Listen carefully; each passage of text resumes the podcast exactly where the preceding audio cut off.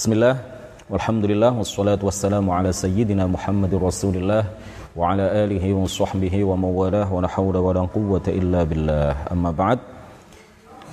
Ini adalah pertemuan ke-31 kita telah sampai pada bait nazam ke-44 dari kajian kitab Matan Jauharah At-Tauhid karangan Syekh Ibrahim Al-Laqani. قال المؤلف رحمه الله تعالى ونفعنا به وبعلومه وأمدنا بأمداده وأفاض علينا من بركاته. آمين.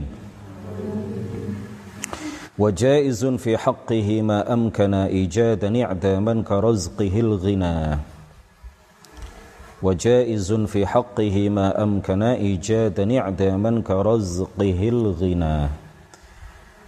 Wajaizun wajaizun dan jaiz wenang boleh mungkin aklan ya. Dan mungkin secara akal menyebutkan bait nazam ini menyebutkan sifat jaiz bagi Allah Subhanahu wa taala. Wajaizun fi haqqihi wajaizun dan boleh atau mungkin secara akal fi haqqihi bagi Allah taala ma amkana ijadan. Ay ijadu kulli ma amkana ijadan. Mengadakan segala hal yang secara akal mungkin terjadi. Mengadakan segala hal yang mungkin terjadi i'daman dan juga jaiz bagi Allah mungkin secara akal jaiz secara akal bagi Allah Subhanahu wa taala meniadakan segala hal yang secara akal mungkin terjadi. Ya, seperti apa? Menciptakan makhluk, meniadakan makhluk itu adalah sifat jaiz bagi Allah Subhanahu wa taala. Jadi Allah Subhanahu wa taala tidak wajib baginya sesuatu. Allah Subhanahu wa taala tidak wajib melakukan sesuatu apa pun.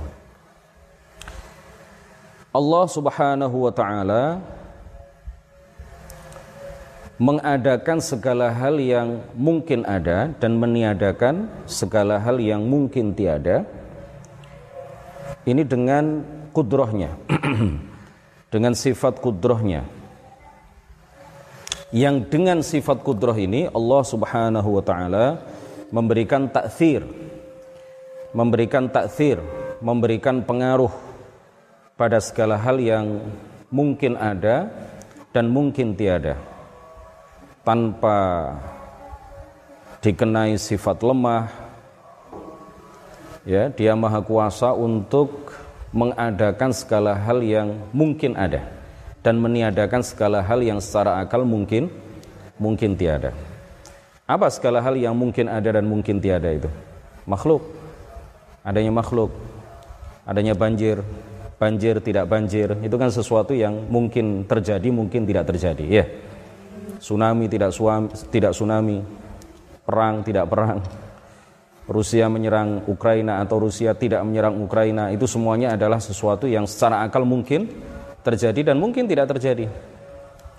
Lahirnya seorang bayi, matinya seorang bayi, matinya seorang manusia dalam dalam usia yang masih bayi, matinya seorang manusia dalam usianya yang masih remaja, matinya seorang manusia dalam usia yang sudah tua renta, hidupnya seseorang sampai tua, matinya seseorang masih remaja, itu semuanya adalah sesuatu yang mungkin terjadi secara akal dan mungkin tidak terjadi secara secara akal.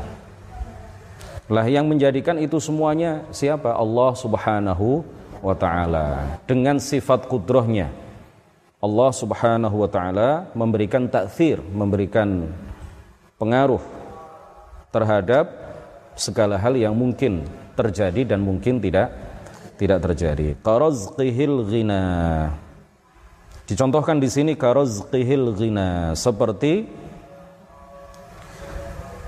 pemberian rizki seperti pemberian rizki Allah kepada hambanya al-ghina kekayaan al-ghina kekayaan sebagaimana juga sebaliknya seperti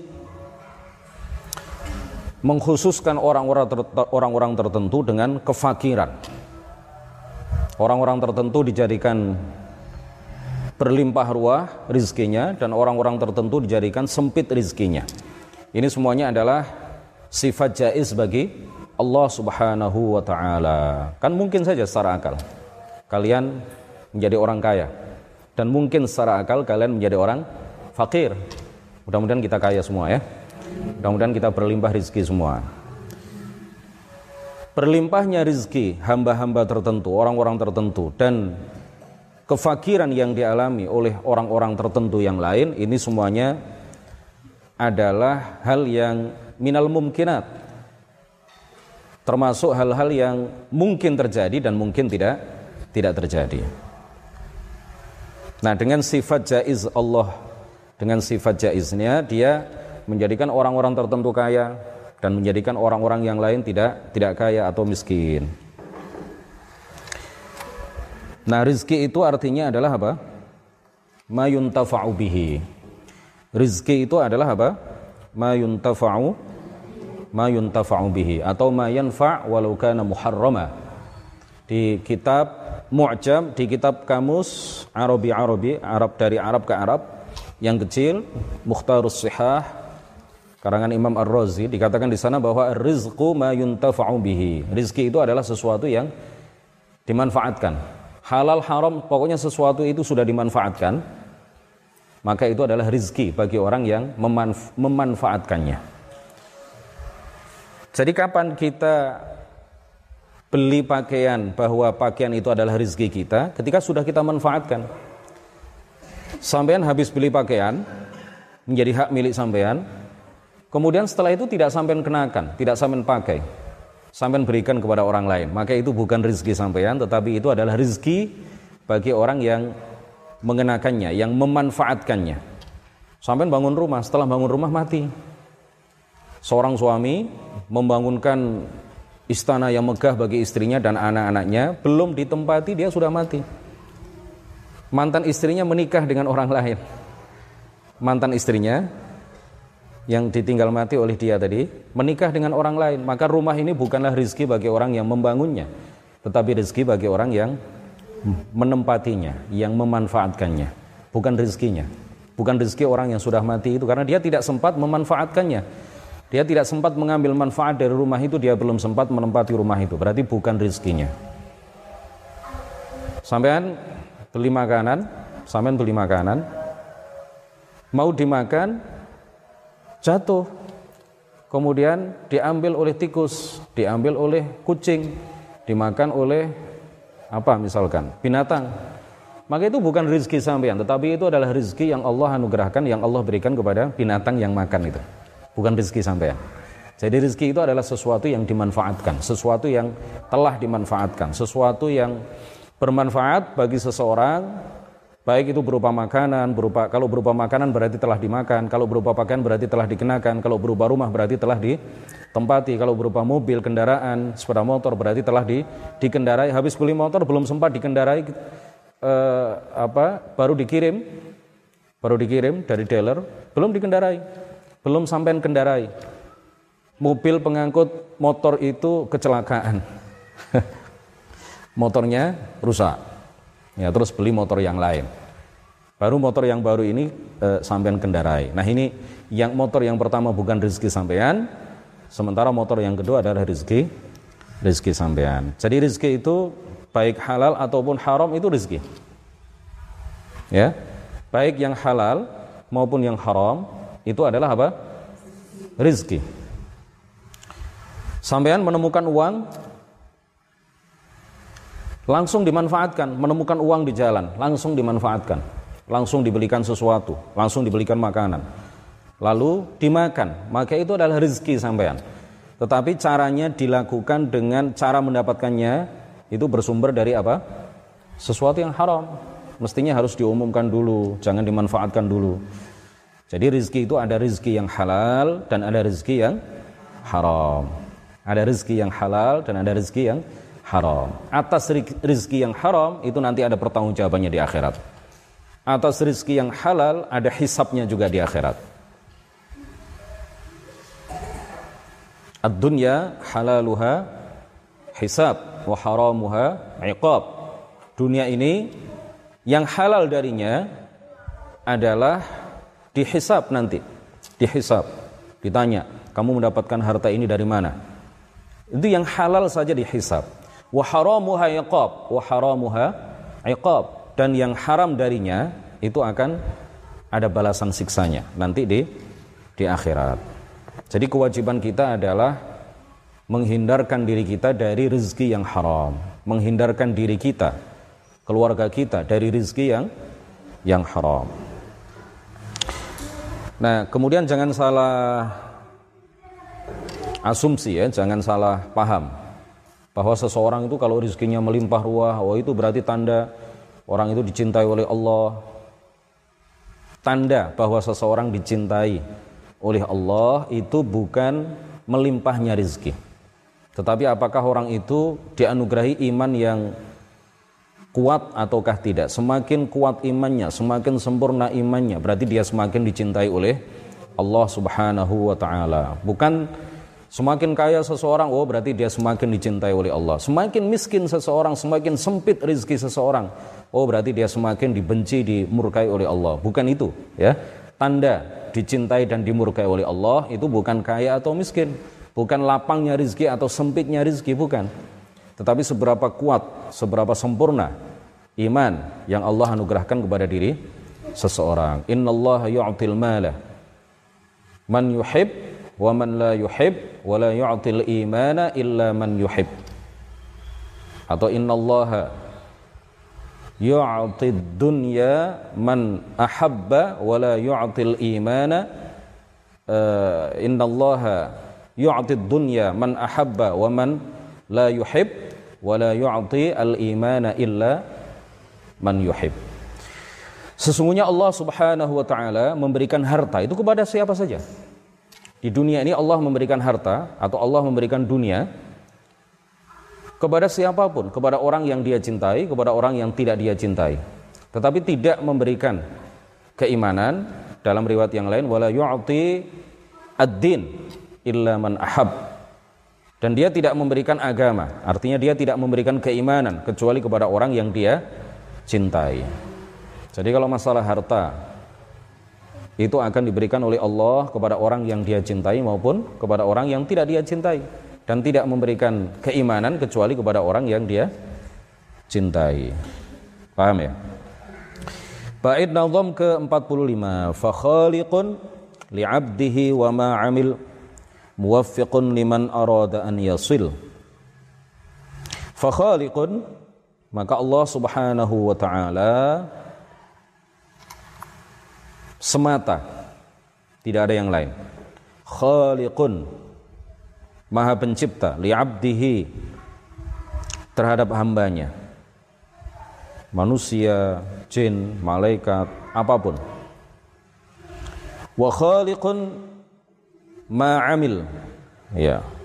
Wa ma'amil fa khaliqun li'abdihi wa ma'amil wa ma'amil dan Allah lah yang menciptakan apa yang dilakukan oleh hamba Allah adalah pencipta hamba dan pencipta apa yang dilakukan oleh oleh hamba. Jadi Allah tidak hanya menciptakan badan kita, tetapi Allah jugalah yang menciptakan perbuatan-perbuatan kita. Seandainya Allah hanya menciptakan jasad atau badan kita, sementara perbuatan-perbuatan yang kita lakukan kita yang menciptakannya, itu artinya kita menciptakan sesuatu lebih banyak daripada apa yang diciptakan oleh Allah. Wal'iyadu billahi ta'ala. Na'udhu billahi min dhalik. Badan itu kan hanya satu. Tapi apa yang dilakukan oleh badan itu dalam hitungan satu menit.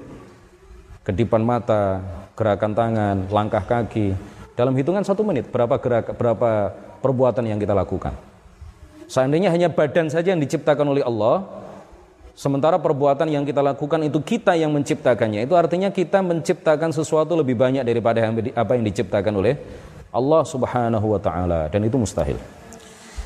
Para ulama ahli sunnati wal jamaah sepakat menyatakan bahwa kita dan apa yang kita lakukan adalah ciptaan Allah Subhanahu wa taala. Baik yang dilakukan oleh manusia, jin, malaikat itu baik ya apa yang dilakukan oleh kalau apa yang dilakukan oleh malaikat tidak ada yang tidak baik semuanya baik. Kalau apa yang dilakukan oleh malaikat karena karena malaikat itu punya ikhtiar punya daya pilih tetapi tidak memilih kecuali ketaatan. Manusia itu punya kehendak eh, apa namanya malaikat itu punya kehendak tetapi tidak menghendaki kecuali kebaikan dan ketaatan.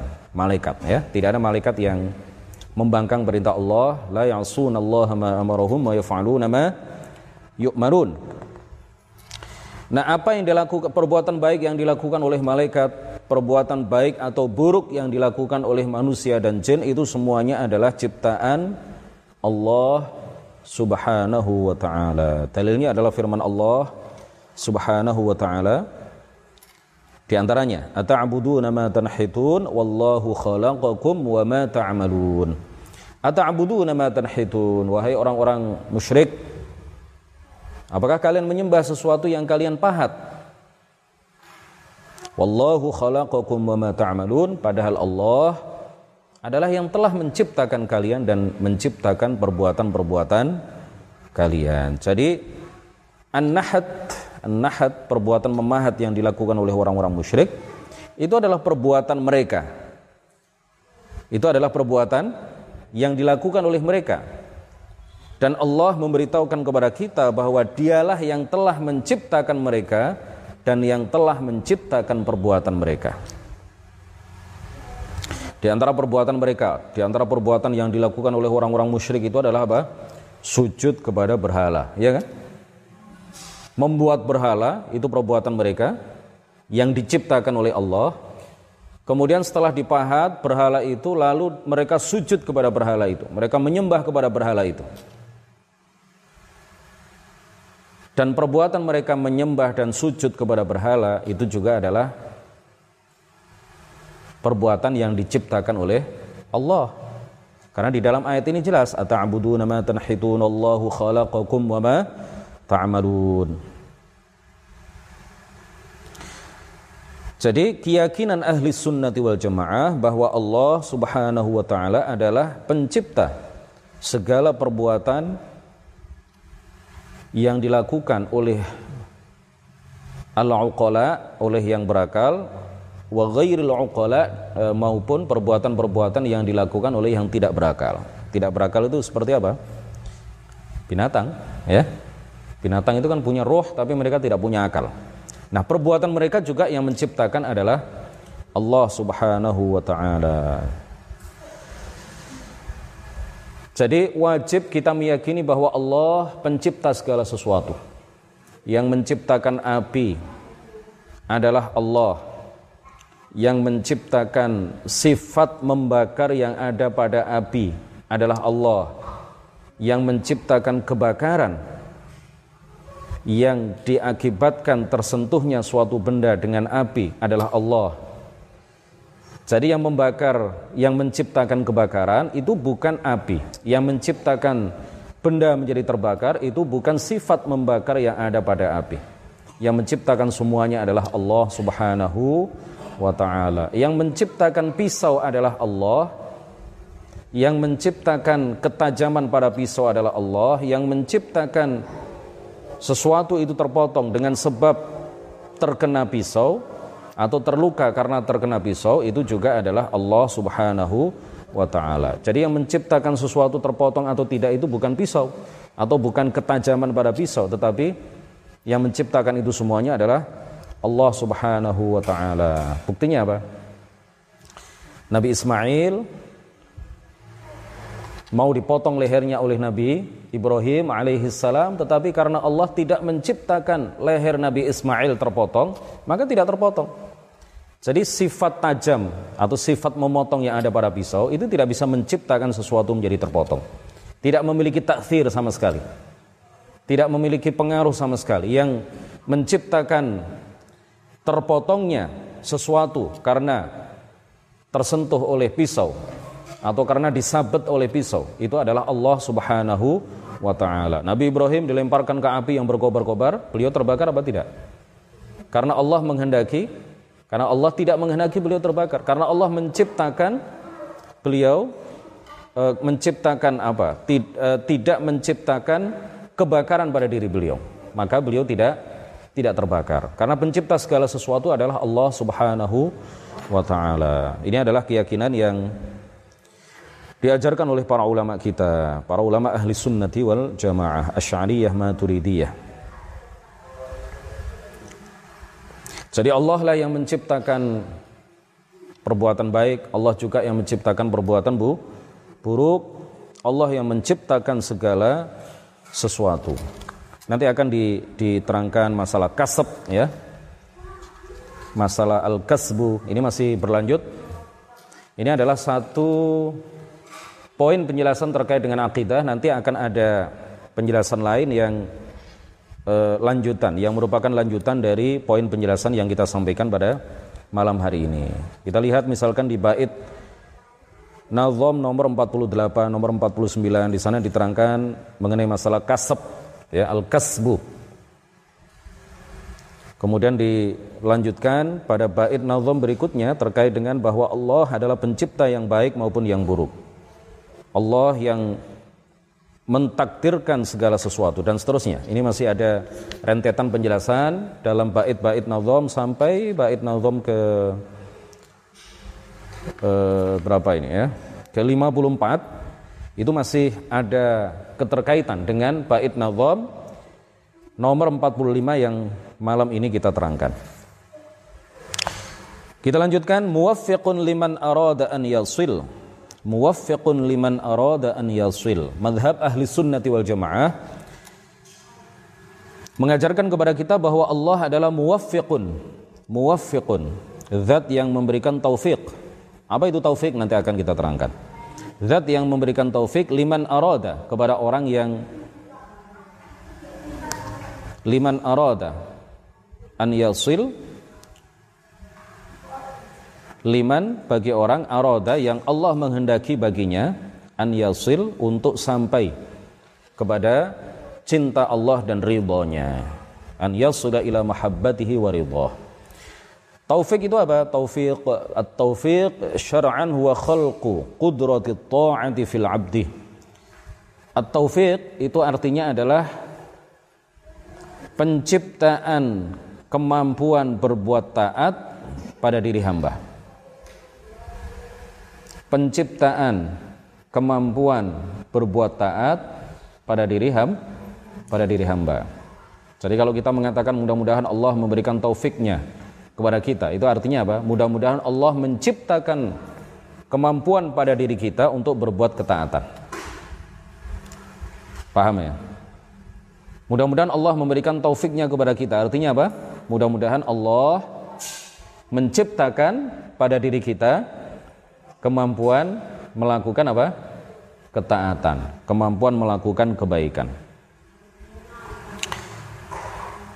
Wa khadhilun wa khadhilun liman arada bu'dah. Wa khadhilun di bait nazam berikutnya apa? Wa khadhilun liman arada bu'dah. Dan Allah Subhanahu wa taala menghinakan kepada menghinakan orang yang ia kehendaki kehinaannya. Ya artinya apa? Allah menghendaki bu'dahu. Jauhnya orang itu dari apa? Dari cintanya dari ridhonya. Dengan dengan menciptakan kemampuan berbuat maksiat pada dirinya. Jadi Allah Subhanahu wa taala Allah Subhanahu wa taala Allah Subhanahu wa taala memberikan taufik kepada orang yang ia kehendaki.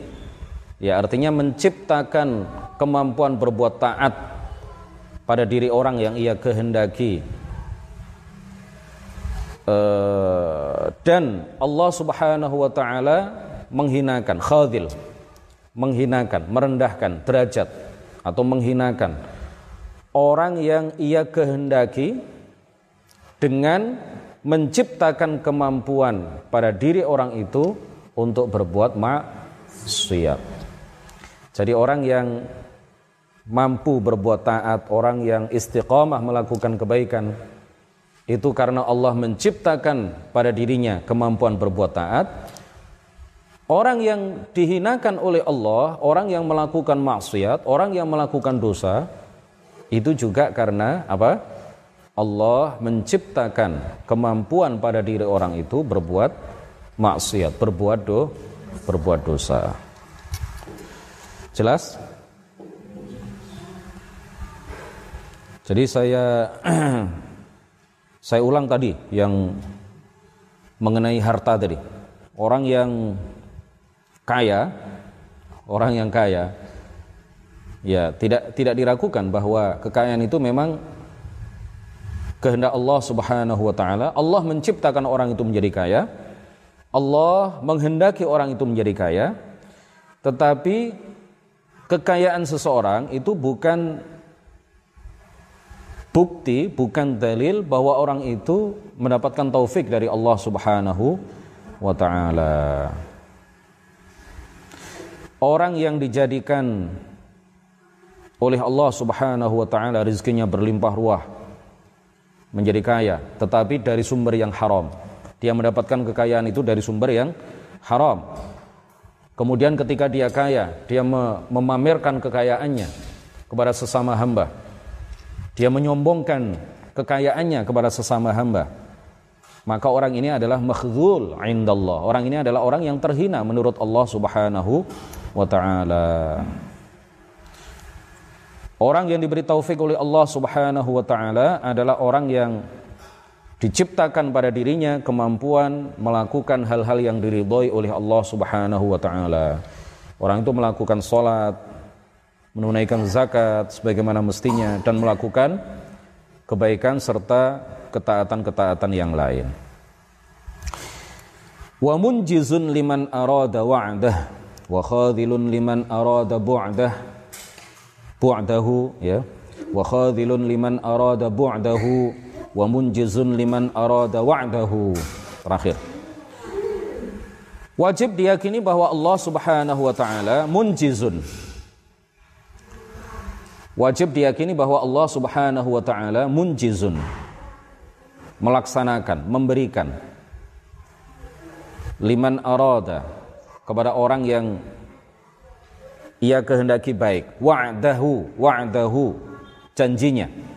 Wa'dahu janjinya. Allah Subhanahu wa taala berfirman innallaha la yukhliful mi'ad. Innallaha la yukhliful mi'ad. Sesungguhnya Allah Subhanahu wa taala tidak mengingkari janjinya. Allah taala juga berfirman wa la yukhlifallahu wa'dah dan Allah tidak akan mengingkari janjinya. Walladzina amanu 'amilus kata Allah sanudkhiluhum jannatin tajri min tahtiha al-anharu khalidina fiha abada. Wa'adallahi haqqan wa man asdaqu minallahi qila. Orang-orang yang beriman dan beramal soleh kata Allah akan kami akan aku masukkan mereka ke dalam surga yang mengalir yang mengalir pada lantainya sungai-sungai. Mereka akan kekal di dalamnya selamanya. Itu adalah janji Allah yang pasti benar dan siapa yang lebih benar?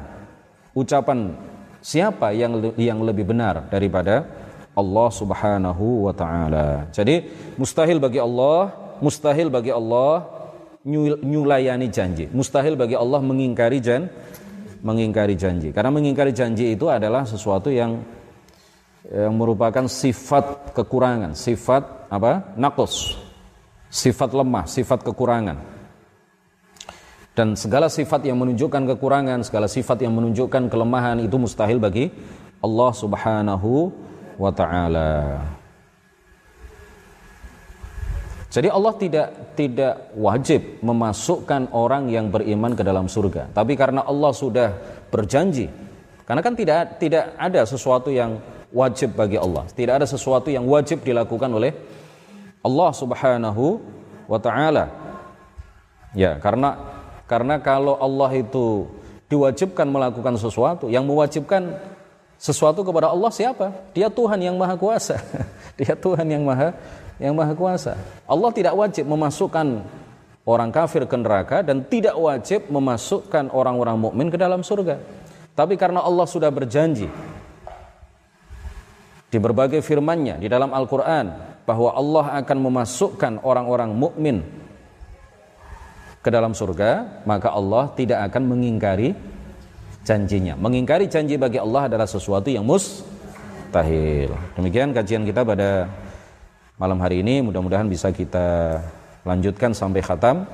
سبحانك اللهم وبحمدك أشهد أن لا إله إلا أنت أستغفرك وأتوب إليك لا إله إلا الله اللهم صل على سيدنا محمد وعلى آله وصحبه وسلم ربي اغفر لي ولوالدي وللمؤمنين والمؤمنات ربي فانفعنا ببركاتهم وبحسن حسنا